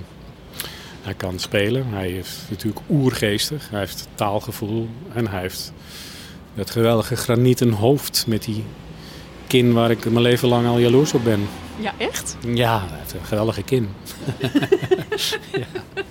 Ik was meer een kind geloof ik wel, maar dat je daar je leven lang al jaloers op bent, vind ik zo Nou, grappig. ja, nee, ik overdrijf een beetje, maar het, het, het- ja, het is gewoon een, eh, een, een, eh, een man waar je je ogen niet van af kunt houden. En, en eh, ik, ik moest natuurlijk iemand hebben met gewicht, met, met een charisma. En dat je denkt, wauw, dat, hier komt de minister binnen. Maar ja, dat zijn er niet zo heel veel die dat, die dat meenemen van zichzelf. En, en Kees is er daar eentje van. En bovendien kan ik natuurlijk, ik ken Kees natuurlijk al uh, 2 miljoen jaar. Dus uh, wij kunnen lezen en schrijven met elkaar. Dus hij zegt ook alles precies zo zoals ik denk, ja, nou precies. Zo moet je dat zeggen. Ja, ja, ja. En, en, zo, en dat hoef ik helemaal niet aan hem te vragen, dat doet hij gewoon zo. Maar waar, weet je nog jullie eerste ontmoeting eigenlijk? Jazeker, want ik was toen nog muzikant en componist. Hij, uh, hij ging een musical samen maken met Arjen Edeveen, met wie hij toen een duo was. Voor de voorloper van de parade, dat was toen de Boulevard Broken Dreams. Uh, en, en hij vroeg mij of ik daar de muziek voor wilde componeren. En dat heb ik toen gedaan. En het grappige is dat die musical ging over de Tweede Kamer. Oh, echt? Ja, Medio Mij heette dat. En er zaten allemaal geweldig komiek in. De een was nog leuker dan de ander. Loes Luca, Arjen en Kees. Uh, Peer Marcini, Leni Bredeveld, René Groothof. Pieter Kramer regisseerde het. Het was echt... Uh... En daar ken ik Kees van. En, en uh, hebben we eigenlijk altijd contact gehouden. En we hebben samen dingen bedacht. Zoals hij belde mij toen later op voor de, voor de serie over Johnny Jordaan. Die hij ook zelf gespeeld heeft. Dat was ook echt een mooi project. Ook wel geslaagd, vind ik. Um, en daarna hebben we de uitverkorenen samen bedacht. Uh, met, waarin hij de, een van de twee baanbroers speelt met Pierre. En naar aanleiding van Johnny Jordaan zijn we gevraagd door Joop van den Ende of we, of we die musical over André Hazes wilden doen. Dat hebben we toen gedaan. En daarna de Tina Turner. Samen met Tina Turner aan de keukentafel gezeten. Ja, ik, en we zijn ook gewoon goede vrienden. Dus ja, het is... Ja, waarom klikken jullie? Want het is natuurlijk een werkrelatie en, en vriendschap is natuurlijk wel iets meer dan gewoon iemand die je at random af en toe in een kroeg zit. Je, je ziet elkaar op heel veel verschillende manieren. Ik, ja, waarom klik je? Ik weet niet, ik moet sowieso gewoon altijd heel erg om hem lachen. Um, en wij delen wel een, uh, wij delen een enorm uh, taalgevoel, denk ik. Hij nog meer dan ik. we zijn een, ja, hij is ook een Pietje precies. En, en ja, je moet iets zo zeggen en niet zo. En anders, anders is het net niks. Als je het zo zegt, dan werkt het, dan komt het aan. Ja, waar ik altijd... Iedereen die, die dingen aan mij vraagt, die, begint, die zegt tegenwoordig van... Jij bent zo'n tiran, hè? Jij wil de puntkomma's horen, hè? Dit heb je ook een stuk of acht keer gezegd ja, in een interview. dat altijd. Iedereen begint daarover. En dat wordt een soort, uh, een soort eigen, eigen leven gaat dat leiden. Maar het is wel waar. En Kees, die kan, als je tegen Kees, nee, dat staat, je moet geen komma spelen, maar een punt komen, dan kan hij dat. En niet alleen Kees, er zijn er meer die dat kunnen, maar Kees kan het ook als geen ander. En dat is my kind of, uh, my kind of actor. Overigens, dat is mijn manier. Hè. Er zijn ook uh, regisseurs die plukken mensen van de straat en die spelen ook prachtig. Nou ja, daar heb jij nog veel meer verstand van dan ik. Uh, dat kan ook. Maar mijn manier is, ik schrijf het zo precies mogelijk op en dan wil ik graag acteurs die dat ook. Ik wil ook heel graag acteurs met een opleiding. Mensen van de toneelschool. Ja? Ja. Mensen die geen opleiding hebben, daar voel ik gewoon aan dat die tekstbehandeling niet, gewoon niet helemaal lekker zit. Oh, ik, weet, ik heb nu net het, het boek van uh, uh, Herman Koch gelezen. Heb je die toevallig gelezen? Heb ik nog niet gelezen, nee. Is het leuk? Ja, ja daar zit een kleine sneer in naar, naar uh, acteurs die van inderdaad een theateropleiding komen en alles extreem articuleren. Ik ben enorm fan van Herman, maar dit, dit hoor ik hem wel vaker zeggen. Dat vind ik echt zo'n gelul. Ja? We hebben in Nederland fantastische acteurs. En zeker de laatste 20, misschien wel al 30 jaar, kunnen ze ook camera acteren. Het is echt niet meer zo dat je de hoorspelkern uh, hoort. Uh, alle Jacob Derwis, Barry Atsma's, Vetja's, Ramsi Nassers, vergeet ik nog een heleboel. Die kunnen gewoon heel goed voor een camera spelen en dan heb je geen, heb je geen toneelgevoel bij. Nee. Vind ik. Ja, vind ik ook. Gelukkig, Floortje. Dan zijn we het eens. Nee, ik vind dat best wel... Ik vind dat echt naar. Als dat, want kijk, wij doen natuurlijk vaak... Houden we audities voor, die, voor, die, voor castings, voor, die, voor de series. En dan komen er heel veel mensen langs. Er zitten zoveel goede mensen bij. Ik kan er natuurlijk altijd maar eentje nemen voor een bepaalde rol. Maar het is echt... Uh, dat je denkt, ja, die zou het ook kunnen en die zou het ook kunnen. En als die het doet, is het anders, maar ook mooi. Het, we hebben echt veel goede acteurs. Echt. Ik denk ook toch... wel eens, uh, als ik een Amerikaanse film of serie zie... Ik denk, het is toch jammer dat Jacob Derwig dit niet speelt. Die had dat toch echt even iets beter gedaan. Serieus hoor. Ja, ja maar je hebt wel inderdaad lievelingsacteurs. Jacob Derwig is er één, Kees is er één. Ja, maar dat, dat zijn gewoon fenomenen op hun gebied. Ik bedoel, Jacob Derwig is de Pierre Bokma van zijn generatie. Kees is, Kees is uniek. Nou, nogmaals, er zijn er, wat vervelend, dan vergeet je iemand. En dan, maar uh, Ramsi Nasser is ook uniek. Dat is een van God gegeven acteur. Die kwam binnen toen bij Overspel, die deed een auditie. Die speelde mij gewoon uit mijn sokken. Ik dacht, is dit mijn tekst? Ja. Fuck you, wat, wat, wat gebeurt hier? Um, je laat uh, Kees Prins een, uh, een alcoholist spelen. Um, dat is ontzettend moeilijk. Iemand uh, dronken spelen is, is heel moeilijk. Heel moeilijk, ja. ja. Nee, dat is waar. Maar we, daar hebben we ook wel echt over gesproken. Kees heeft ook studie gemaakt. We hebben die... ook die Kees, ik, ik, ik heb hem zelf niet uitgezet. Ik ben een enorme David Fincher fan. Echt tot op het, tot op het fanatische af. Maar die film die hij heeft gemaakt, die zwart-wit film over zijn vader, de scenario schrijver. Jij weet vast welke ik bedoel. Menk. Met Gary Oldman. Menk. Ja. Daar, dit, is, is hij ook de hele tijd dronken. Die heeft Kees helemaal uh, bekeken en uh, geanalyseerd en, en uh, geprobeerd om ja, te laten inspireren. Gary Oldman is natuurlijk ook niet, niet de eerste de beste acteur. En we hadden op de set ook wel... Ik hoef Kees nauwelijks te, reageren, te regisseren, want die weet heel goed wat hij doet. Maar we moesten wel vaak... Hoe dronken ben je hier? Ben je hier al ja, welk, welk, welk van 1 tot 10 ben je hier al op 4 of ben je al op 6? Of ben je nog in, op 2,5? Uh, hij, ziet natuurlijk, hij praat natuurlijk met zijn dode vrouw. Dan hadden we ook soms dat we dachten, ja, als hij haar ziet, dan zit er wat in. Mm -hmm. Dan zit er een glaasje in. Want anders ziet hij er niet. In nuchtere staat. Maar dat kon ik ook weer niet altijd helemaal gebruiken. Dus dat was soms nog wel even zoeken. Um, uh, ik, mijn, een van mijn favoriete scènes zelf is als hij dan best wel behoorlijk dronken bij de premier komt. En uh, Jacob Derwig dan langzaam doorkijkt dat hij gewoon een dronken minister... Uh, ja. En dat spelen ze dan ook weer zo heerlijk, die, die twee die gasten.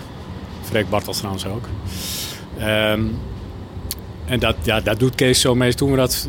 We gingen dat voor de eerste keer doorlopen en iedereen op de set, achter de kamer, iedereen lag dubbel.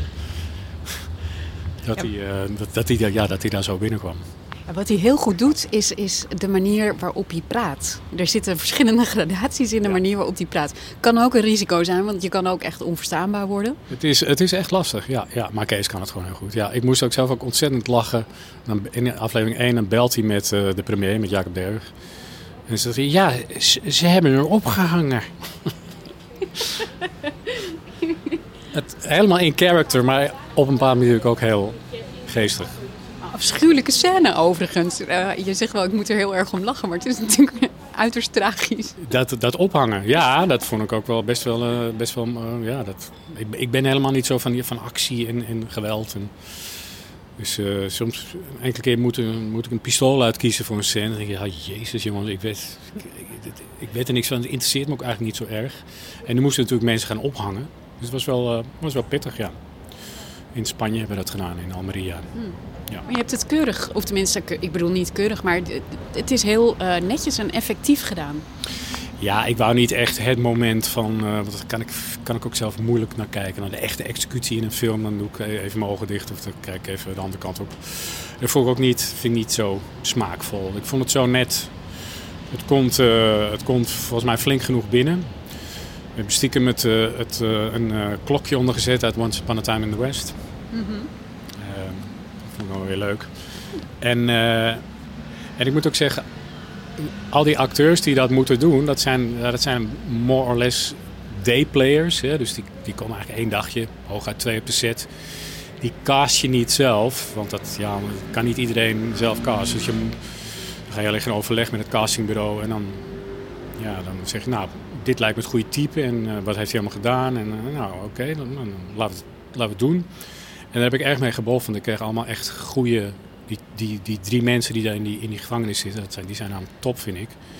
Die spelen dat heel, uh, heel goed weg, wat, wat niet zo makkelijk is. Nee, het is een ontzettend moeilijke set. Het verbaast me eerlijk gezegd dat je die niet, niet zelf cast. Ja, je cast de, de, laten we zeggen, de hoofdrollen, daar begin je mee. En dan cast je nog de, de echte grote kleinere bijrollen, dat doe je dan wel. Maar de, de dayplayers, ja, dan heb je het weer. Dat, dat, daar hebben we geen tijd en geld voor ook. Dus dit, uh, maar uh, wat ik net zei, we hebben gewoon heel veel goede mensen in Nederland die dat, die dat gewoon, die komen een dagje op de set, die kunnen dat. Ja. je bent wel ook wel eens fucked. Ik, zal niet zeggen wie, maar er was ook, kwam ook één iemand op de set die kon niets. en die had toch eh, zes zinnen tekst. En daar moet je in allerlei bochten wringen. En dan moet je naast de camera staan en zelfs voorzeggen en eh, slim snijden. En dan komt het net goed. Dat, dat maak je ook wel mee. Dat inderdaad, dat, dat je in overleg bent met het castingbureau en zegt... nou, die kan het wel, die heeft dit en dat gedaan. Dan kijk je even naar, nou, oké, dat durf ik wel aan. En dat gaat ook wel eens mis, ja. Je, je zei net al, hè, van ik ben heel erg op, uh, op de tekst en ze moeten het precies doen zo, zoals ik het geschreven heb. Dus, dus acteurs die dan naar je toe komen en zeggen ik voel, ik voel deze maar niet, die, die, heb je, die hebben pech. Nee, nee, nee, want uh, je houdt altijd een lezing. Dus je gaat altijd uh, weken van tevoren, of maanden van tevoren, ga je allemaal rond de tafel zitten met de, met de belangrijke rollen. En dan lees je het helemaal door en dan hoor je het ook zelf. En dan mag elke acteur, dat graag zelf, die mag alles tegen me roepen en zeggen. En die zeggen ook, dat komt voor. Uh, die zeggen, ja, maar ik vind het een beetje een raar zinnetje. Of ik, ik snap niet waarom ik dit zou moeten zeggen. Of ik, ik vind het, het krijgt niet lekker mijn, mijn mond uit.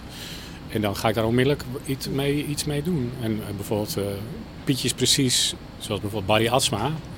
Daar heb ik uh, allerlei app-contact mee. Die, die gaat ook echt op een woordje. Want die Barry Atsma is ook zo'n als iemand zijn zaakjes kent, is het Barry. Die komt ook perfect voorbereid op de set. Dus die kent ook elke komma. En die zegt, ja, maar ik vind het toch een beetje raar. Waarom staat hier, ik zeg maar wat, waarom staat hier hoewel en niet maar? Mm -hmm. Ik zou zelf eerder maar zeggen. Nou, dan gaan we er even over uh, stoeien en dan komen we er altijd uit. Ja. Nee, zo, zo tirannig ben ik ook weer niet. maar je, bent wel, je wordt altijd geprezen hè, om, je, om je dialogen ook. Misschien ook dat, dat dat de reden is dat mensen de hele tijd over dialogen bij je beginnen. Ja, want dat, nogmaals, dialoog is eigenlijk de least of my worries. Hè. Dat dialoog poep ik er eigenlijk best wel makkelijk uit. Maar ik zit wel heel lang te pijnzen over ritme, korte scène, lange scène. Het ritme is voor mij ontzettend belangrijk. Uh, we beginnen graag met beeld alleen. Dan glijden we een scène in en dan zegt iemand wat en begint dat offscreen. Of, weet je, dat, daar zit ik heel lang over te piekeren. Ja. Die dialoog, dat, dat, komt, dat komt eigenlijk vrij makkelijk bij mij. Echt? Dus jij gaat gewoon zitten en je tikt een dialoog? Ja, ik tik hem wel 30 keer over. Dus ik lees hem de volgende dag terug en denk nee, dat woordje. En de volgende dag lees ik hem weer, nee, dat... Dus ik probeer altijd fris te blijven uh, staan ten opzichte van mijn werk. Dus ik, ik, ik werk altijd in sprintjes. Dus ik, ik schrijf twee, drie uur. Dan leg ik het weg. En dan lees ik een paar uur later lees ik het weer terug. Dat zou je misschien ook herkennen. En dan ineens zie je dingen die je de eerste keer helemaal niet meer had gezien. Ook spelfout of dat je woorden dubbel gebruikt. Of... Dus, en als je dat ja, steeds probeert fris te blijven ten opzichte van je tekst, dan, ja, dan, dan wordt het steeds beter. Maar wat is dan het geheim van een, van een goede dialoog? Is dat inderdaad dat het zo natuurlijk komt? Of? Nou, er zijn een aantal dingen. Ten eerste, een dialoog moet uh, uh, bekbaar zijn, dus hij moet uit te spreken zijn. En, en wij spreken in korte zinnen. Soms zie ik, lees scripts van onervaren mensen die hebben hele monologen met hele lange zinnen. Ja, zo praten we niet. We praten ook in halve zinnen. Maar dat is een beetje, zeg maar, technisch. Maar wat, waar ik nog steeds elke dag aan denk, is toen ik op de filmacademie kwam, kregen we les van Hugo Heinen, een zeer gereputeerd uh, schrijver.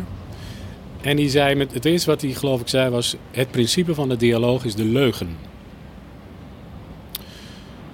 Dus zodra mensen de waarheid gaan zeggen tegen elkaar, wordt het oninteressant. Oh. Dan zit ik met de zepper in mijn hand, ben ik op het andere net. Of dan... Mensen liegen. Mensen draaien eromheen. Mensen maken cynische grapjes. Als mensen ja zeggen, bedoelen ze eigenlijk nee. Een hele bekende. Uh, dat is interessant. En ook juist in hoe mensen liegen, kun je juist gek genoeg de echte waarheid wel vinden. Ja, dus al jouw, al jouw dialogen zijn feitelijk gebaseerd op. Het is een, een samenvatting van leugens. Dat is een beetje één op één, maar als mensen de waarheid tegen elkaar gaan zeggen, dat is volslagen oninteressant. Hmm. En dan heb je, je hebt natuurlijk het fenomeen subtekst, dus je zegt het een, maar je bedoelt het ander. En dat is, dat is van wezenlijk belang. Anders, een dialoog waarin mensen zeggen wat ze echt bedoelen en wat ze voelen, dat is de dood in de pot. Daar hebben, daar hebben we helemaal niks aan. Ja, nou snap ik helemaal waarom die politiek zo leuk is. Nou, exactly. Maar dat is, dat is natuurlijk ook zo. Mensen staan alleen maar ja, uh, omwegen te zoeken, uh, uitvluchten te zoeken, eromheen te lullen, uh, ook te acteren. Want als iemand goed kan acteren is het Mark Rutte. Ja, dat is, dat is, maar dat is natuurlijk ook in hoe we met elkaar omgaan. Als iemand uh, op straat naar je toe komt, ja, een heel banaal voorbeeld, maar iemand zegt: Hoe gaat het met je? Ja, gaat goed hoor. Terwijl je intussen uh, ben je depressief, of het is net uit met je vriendje, vriendinnetje, of heb je drie nachten niet geslapen vanwege de kinderen. Nee, gaat, nee, gaat goed. Ja joh, gaat goed. Ja, wij, wij jokken voortdurend. En dat is, ja, dat is wel interessant voor drama. Je, je zegt altijd ook um, dat je moet schrijven wat je kent. In hoeverre gold dat voor, voor dit? Want deze arena, jij, jij komt niet uit. Nee. Dat is inderdaad moeilijker. Dat is moeilijker, ja. ja. Um, nee, daar moet je, moet je meer proberen te verplaatsen. En je moet ook wat hulp zoeken van mensen die er verstand van hebben. Die meelezen en zeggen van nou, zo, zo gaat dat niet. Of zo, zo zeggen wij dat niet. Of zo doen we dat niet. Um, maar uiteindelijk, ja, het gaat toch gewoon over een mens, mens die iets wil. Dat is met die mijnen maar ook. Die zegt ja, eigenlijk gaat Buza voor mij over het nemen van verantwoordelijkheid. Nou ja, dat is iets wat je je kunt voor, dat, dat jij en ik je ook kunnen voorstellen. Gaan, wil je verantwoordelijkheid nemen? Ja. Persoonlijk loop ik, er, loop ik er graag met een boog omheen. maar, nee, maar nee, dat is natuurlijk onzin. Want ik, ja, als je een serie gaat maken, uh, ja, dan heb ik ook verantwoordelijkheid. Ik moet, ik moet die kar trekken. Ja, luister, ik geloof er niks van. Want dat is een, je maakt alleen zo'n serie en, en je kiest als thema, of niet dat kies je, maar dat komt, dat komt daar uh, uit. Ja. Verantwoordelijkheid, dan betekent dat dat je daar ergens in je leven toch ontzettend mee bezig bent. Oeh, dan gaan we wel heel diep, uh, Floortje. Uh, nou, misschien ook wel. Misschien ook wel, maar ik, ik heb daar niet zo gauw een pasklaar antwoord op. Nou, daar zou ik, uh, zou ik langer over na moeten denken. Maar daar hebben we nu natuurlijk geen tijd voor. um, nee, maar het is een heel ding, verantwoordelijkheid nemen. Het is ook, ja, uh, waar voel je je allemaal verantwoordelijk voor? Wij voelen ons verantwoordelijk voor onze eigen uh, gezinnetje, situatie, werk. ja, ik maak zo'n serie, daar geven ze me, weet ik wel, 2,5 miljoen euro voor. Dat is best een verantwoordelijkheid. ik, ik voel het bijvoorbeeld, dat is misschien ik vind het ontzettend fijn dat er heel aardig op Buza gereageerd wordt. Voor al die mensen die hebben meegewerkt, die hebben staan beulen in de vrieskou, in de, in de sneeuw, in de, met de avondklok. Uh, lichtmannen die hebben staan sjouwen. Ik voel me verantwoordelijk voor het feit dat zij aan iets hebben meegewerkt dat dan een beetje aardiger is geworden. En dat, dat, dat, dat, dat, dat vind ik fijn. Dat, dat geeft mij een goed gevoel. Stel nou dat, dat iedereen had geroepen dat het de slechtste kutserie die ik ooit heb gezien zou het voor mezelf vervelend zijn. Maar dat zou ik het ook zo naar vinden dat al die mensen zich het snot van hun ogen hebben gewerkt. En mensen geld in hebben gestoken en acteurs. Daar voel ik me dan wel verantwoordelijk voor. Ik vind bijvoorbeeld ook heel erg als ik goede acteurs in slechte series of films zie. Ja. Dan voel ik een soort misplaatste verantwoordelijkheid. En denk ik, oh god, er is een regisseur waarschijnlijk die heeft gezegd... dat moet je, dat zinnetje is mooi, dat werkt goed. En dan zie je iemand iets zeggen dat je denkt, ja, maar ik geloof er helemaal niets van. En het, en het, en het klinkt niet en het, het klopt niet. En dan zie ik een acte. Dat vind ik dan zo erg om te zien. Ik wil even naar, naar uh, waar jij vandaan komt. Want je komt uit een, uh, een, een, arbeidersgezin. Ja. Um, dus de meeste arena's die je verfilmt, daar kom jij niet zelf vandaan. Uh, dus je bent een soort buitenstaander die naar binnen kijkt. I, niet helemaal, want er zitten heel vaak in mijn series uh, mensen die plat Amsterdams praten. Nou ja, dat, dat, dat, ben, ik, dat, dat ben ik eigenlijk, uh, Floortje. zo, zo spraken wij vroeger thuis. Um, echt, mijn hele familie praat eigenlijk nog steeds zo. Um, in Klem vind ik altijd wel aardig de, de, de, rol van Jacob, Marius. Dat is eigenlijk de persoon die ik was. En, en de rol van Barry Hugo is eigenlijk de persoon die ik ben geworden. Dus ik ben van, laten we zeggen, uh, working class kom af, ben ik een beetje die, die, die saaie man in Amsterdam-Zuid geworden. Met die kinderen op die, op die, op die keurige school, denkt hij. Ja. Um, dus in die voegen zit er altijd wel iets van mezelf in. Het, het, gaat ook wel vaak over dubbeltjes die kwartjes willen worden. Ik weet niet of je de film In Oranje kent. Nou, dat, Zeker. Dat is een beetje mijn, mijn, mijn story. Mijn vader ging vroeg dood. Ik, was, uh, ik kon leuk voetballen en uh, ook een eenvoudig gezin. Um, Buza is inderdaad wel anders. Dat, dat zijn natuurlijk, het is niet mijn milieu. Um, maar dat vond ik gewoon fascinerend, omdat ja, ik volg dat al heel lang heel goed. En nogmaals, ik kan ook gewoon... Ik ben niet bang om te zeggen dat ik gewoon eigenlijk gewoon een soort West Wing uh, wilde maken. Omdat ik dat zo'n heerlijke serie vond. Ja, ik heb een theorie. Um, als je van een dubbeltje een kwartje wordt, dan is hetgene wat je moet doen, is ontzettend observeren naar hoe de kwartjes zich gedragen en je daaraan aanpassen. Ik denk dat dat het geheim is achter een goede scenarist. Nou, uh, poeh, uh, ik vind, dat ik wel een dissertatie waard. Voor de vakgroep Media en Cultuur. ja, dat, misschien heb je helemaal gelijk. Ik, ja, ik, ik weet het niet. Kijk, ik ga waar het drama gaat, hè, zeg ik altijd. Dus waar drama zit, daar, daar, daar, dat, dat zoek ik op. Dus dat kan, het kan een minister met een alcoholprobleem zijn. Of dat kan, ik heb ook bijvoorbeeld De Prooi gedaan. Hè, die serie over uh, Rijkman Groening, Abin AMRO. Ja, dat waren alleen maar mannen in krijtstreep pakken die aan een tafel zaten te lullen over geld. Dus dat was nog best wel lastig ook. He, totaal niet mijn milieu. Ik heb ook helemaal geen, geen verstand van die wereld. Ik kon me gelukkig natuurlijk baseren op het boek van Jeroen Smit. Um, maar waar drama zit, ja, dat, daar, daar, dat vind ik interessant. En dan, nou ja, Rijkman Groenik was een soort koningsdrama. Nou ja, een alcoholistische minister, ja, dan, komt het drama je ook al tegemoet. Ik heb natuurlijk ook de André Hazes film gedaan. De André Hazes musical. Nou, dat ligt dan qua milieu dichter bij mij. Ja, maar drama is één ding. Het gaat, om, het gaat om het neerzetten van personages en de manier waarop ze bewegen binnen een bepaalde wereld. Daar moet je goed voor kunnen observeren. Ja, maar het, het zijn toch altijd toch gewoon allemaal afsplitsingen van jezelf uiteindelijk. Het is toch een beetje allemaal wat zou ik doen in die situatie. Ik, ja, natuurlijk observeer je. Je kijkt, je, kijkt, je, je, kijkt naar de wereld om je heen en je leest de kranten en je, zie, je ziet de debatten. En je, um, um, maar het zijn, ja, het, zijn, het zijn allemaal maar mensen. Allemaal mensen. Wil je nog een koffie? Een espressootje, Lucica, alsjeblieft. Ja. Nee hoor, dat hoeft niet. Dankjewel. Een uh, cappuccino havermelk alsjeblieft. Grote? Ja, doe maar. Komt eraan hoor. Yes, dank. Nee, het zijn, uiteindelijk gaat het over al die. Eigenlijk, iedereen is toch een beetje. Iedereen is uniek, maar toch ook weer een beetje hetzelfde. Dus we zijn allemaal ambitieus, jaloers. Uh, we willen seks, we willen, willen ons afzetten. We, we, houden van mensen, we haten mensen. Iedereen, ja, dat, dat hebben we toch allemaal. Heb je trouwens, want dat, dat zeggen ze dan altijd, hè, dat je dan dat je aan het milieu ontworstelt. En dat je inderdaad ja. van een dubbeltje een kwartje wordt. Allemaal trouwens echt heel rare uitdrukkingen voor. Ja. Want waarom? Dat, dat dubbeltje en dat kwartje, ja. ja. Ja, dat weet ik eigenlijk ook niet. Alsof je meer waard wordt. Nee, je wordt helemaal niet meer waard. Nee, nee. Je hebt alleen maar geluk. Ik heb, ik heb geluk gehad. Mijn, ik, mijn zusjes, die, ik ben een nakomertje, dus die zijn mijn, mijn broers en zussen waren veel ouder. Maar mijn zusjes, die vermoedelijk, of zeer waarschijnlijk net zo slim zijn of waren als ik, die werden eerst op de huishoudschool gezet. En later door mijn vader van school gehaald, want ze moesten gaan werken. Nagaan. En, en, en ik, ben natuurlijk best wel behoorlijk oud, maar zo oud ben ik natuurlijk ook nog weer niet. Dit is twee, drie generaties geleden. Weet als meisje werd ik gewoon van school geplukt. Die moest in een naaiatelier, dat heette Berghaus. Dus ging zo achter de naaimachine en de hele dag te werken. Door mijn vader. En ik mocht doorleren. Ik was de laatste en ik was een paar jaar jonger. De, de wereld veranderde toen ook al snel. Mijn vader ging ook dood.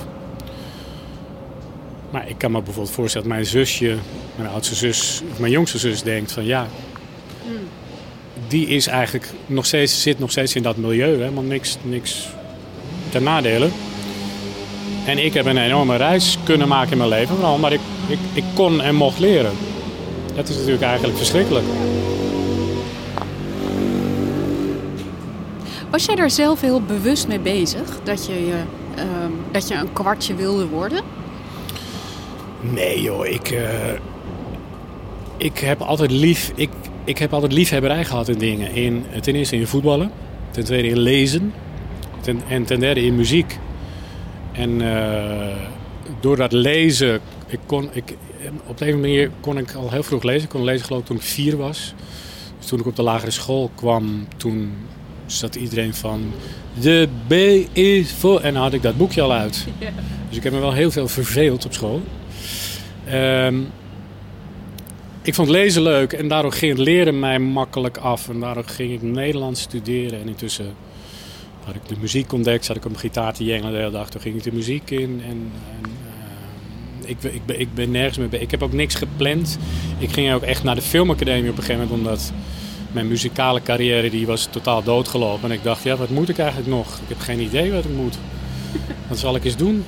Uh, Voelde je daar eigenlijk trouwens niet een verantwoordelijkheid? Want je, je moeder die was toen op dat moment uh, alleenstaand. Die Ja, moest alles betalen. En dan ga je naar de filmacademie. Ja, maar ik was al heel oud. Ik was 27 al. Ik had, eh, ik had eh, in bandjes gespeeld in het theater en zo. En, en, en ik wist het eigenlijk niet meer zo goed wat ik moest met mijn leven. En toen gingen allemaal mensen om me heen. Maarten Treuniet ging toen veel mee om.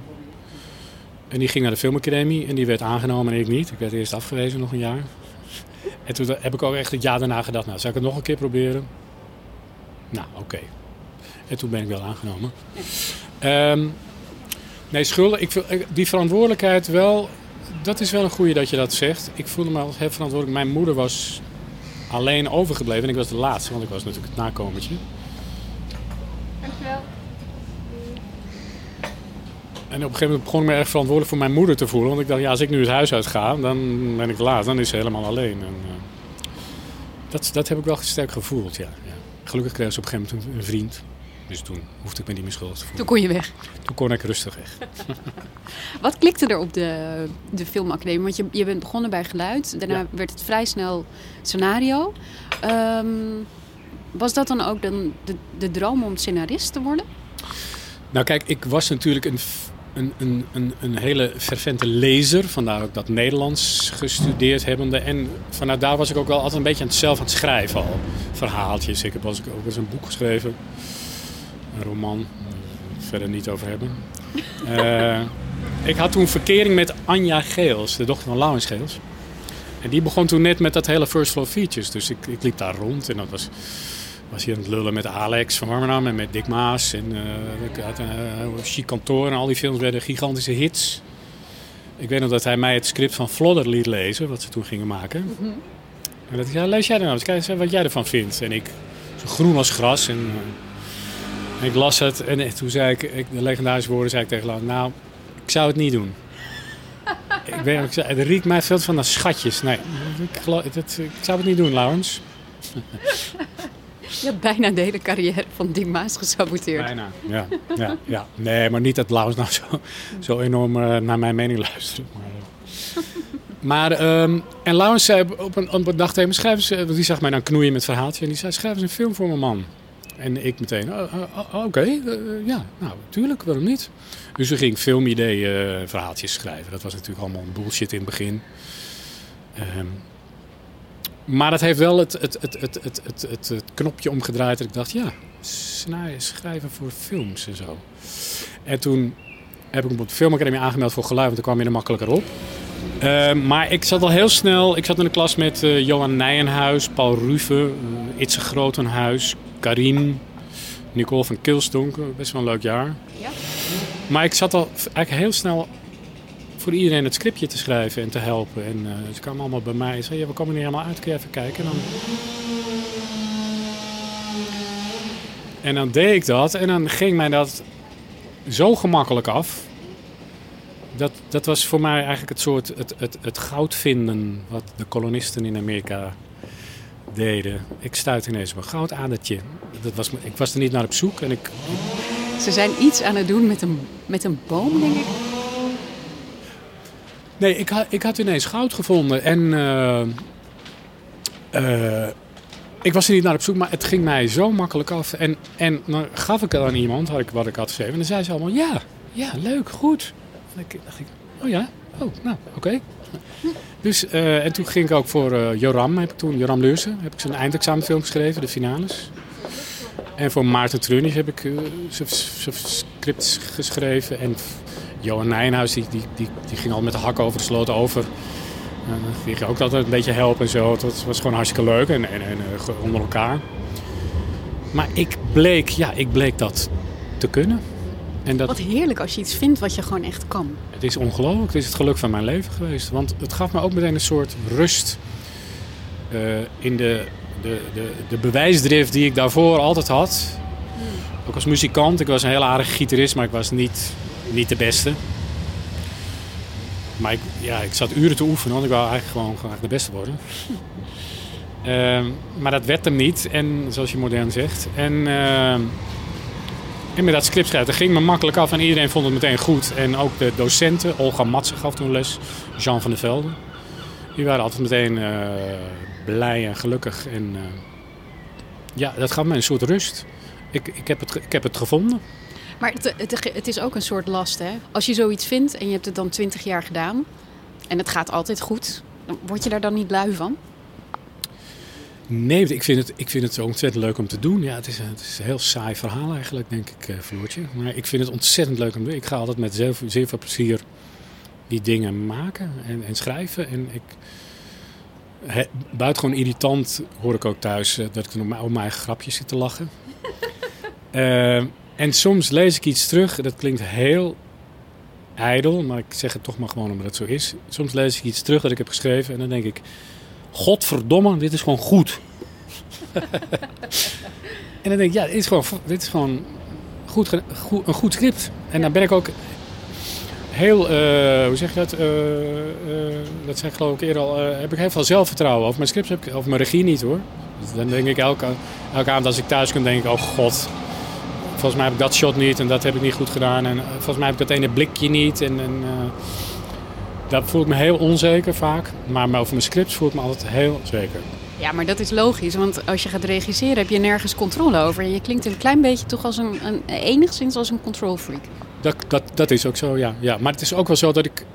Ja, nee, dat is zo. En uh, ja, lezen en schrijven, dat is zo. Je zit in je eigen kopkonnetje. Nou, jij weet er alles van. Mm -hmm. Je bent gewoon master of, uh, van, van de woorden en, en, en alles. En op de set, ja, dat zijn duizend externe factoren die je niet helemaal kunt uh, beheersen.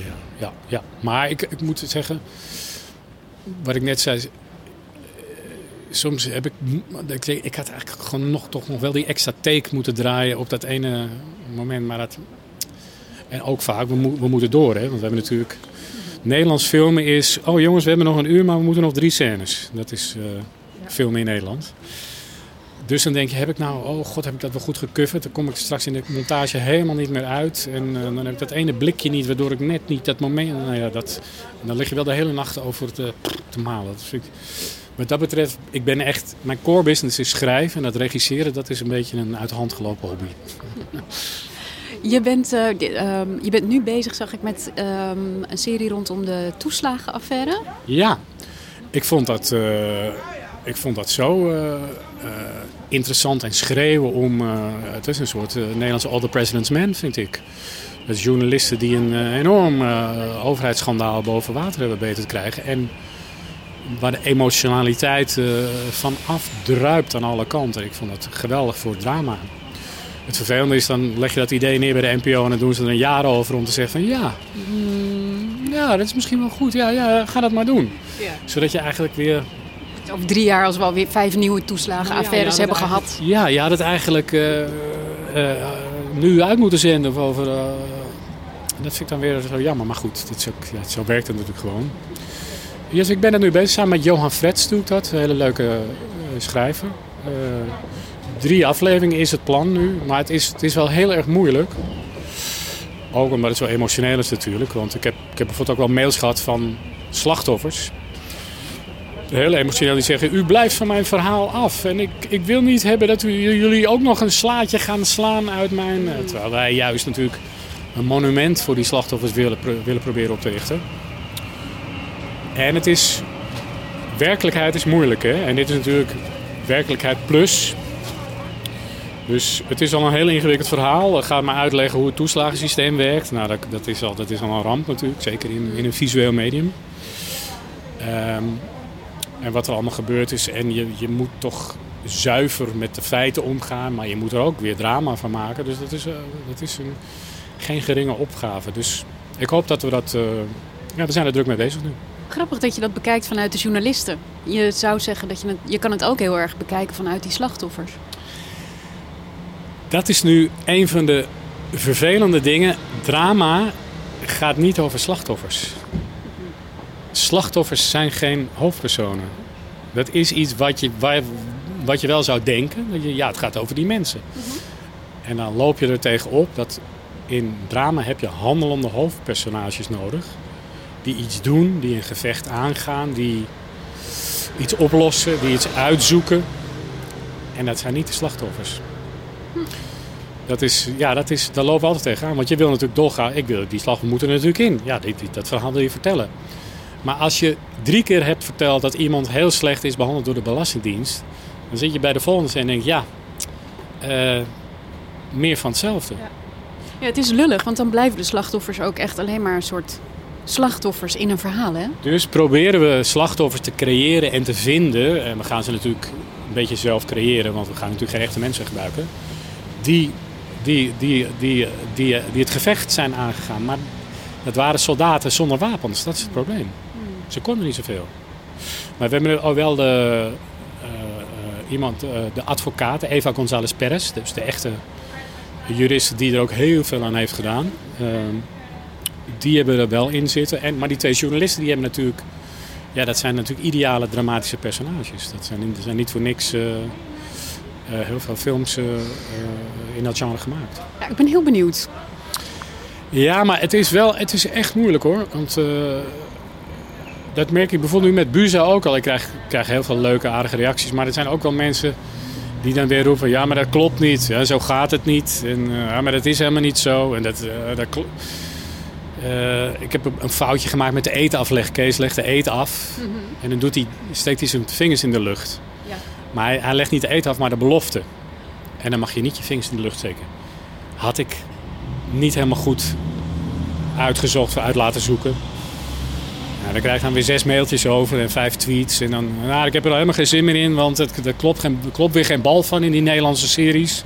Denk, ja, denk je dan, pff, of denk je dan, oh, irritant? Allebei, denk ik. ja, dat, is, dat, dat, dat, dat, zei ik al eerder, het blijft toch een beetje door je hoofd spoken. Dat je denkt, kut. Ik had dat natuurlijk beter moeten researchen, maar ja, dat, dat slipt er natuurlijk wel eens doorheen. En bovendien, is het, is het een belangrijk detail? Nee. Maar je wil natuurlijk toch dat het klopt. Maar bij die toeslagen gaat dat tot de max natuurlijk. Want dat, ja, ook voor de mensen, want spelen ook politici spelen natuurlijk een rol daarin. Dus hoe gaan we daarmee om? Gaan we, gaan we Pieter Omtzigt door een acteur laten spelen? Ik denk nu van niet, want dat ga je niet geloven, denk ik. Dat lijkt mij een hele moeilijke vertaalslag om daar een acteur voor neer te zetten. Dus gaan we dat bijvoorbeeld met beelden dus doen die je dan op tv ziet. Het zijn allemaal hele lastige keuzes.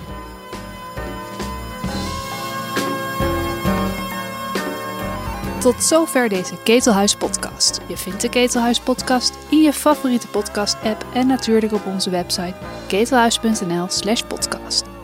Abonneer je vooral zodat je geen enkele aflevering mist en leuk als je een reactie achterlaat. Hou ons in de gaten, we zijn snel weer terug met een nieuwe podcast.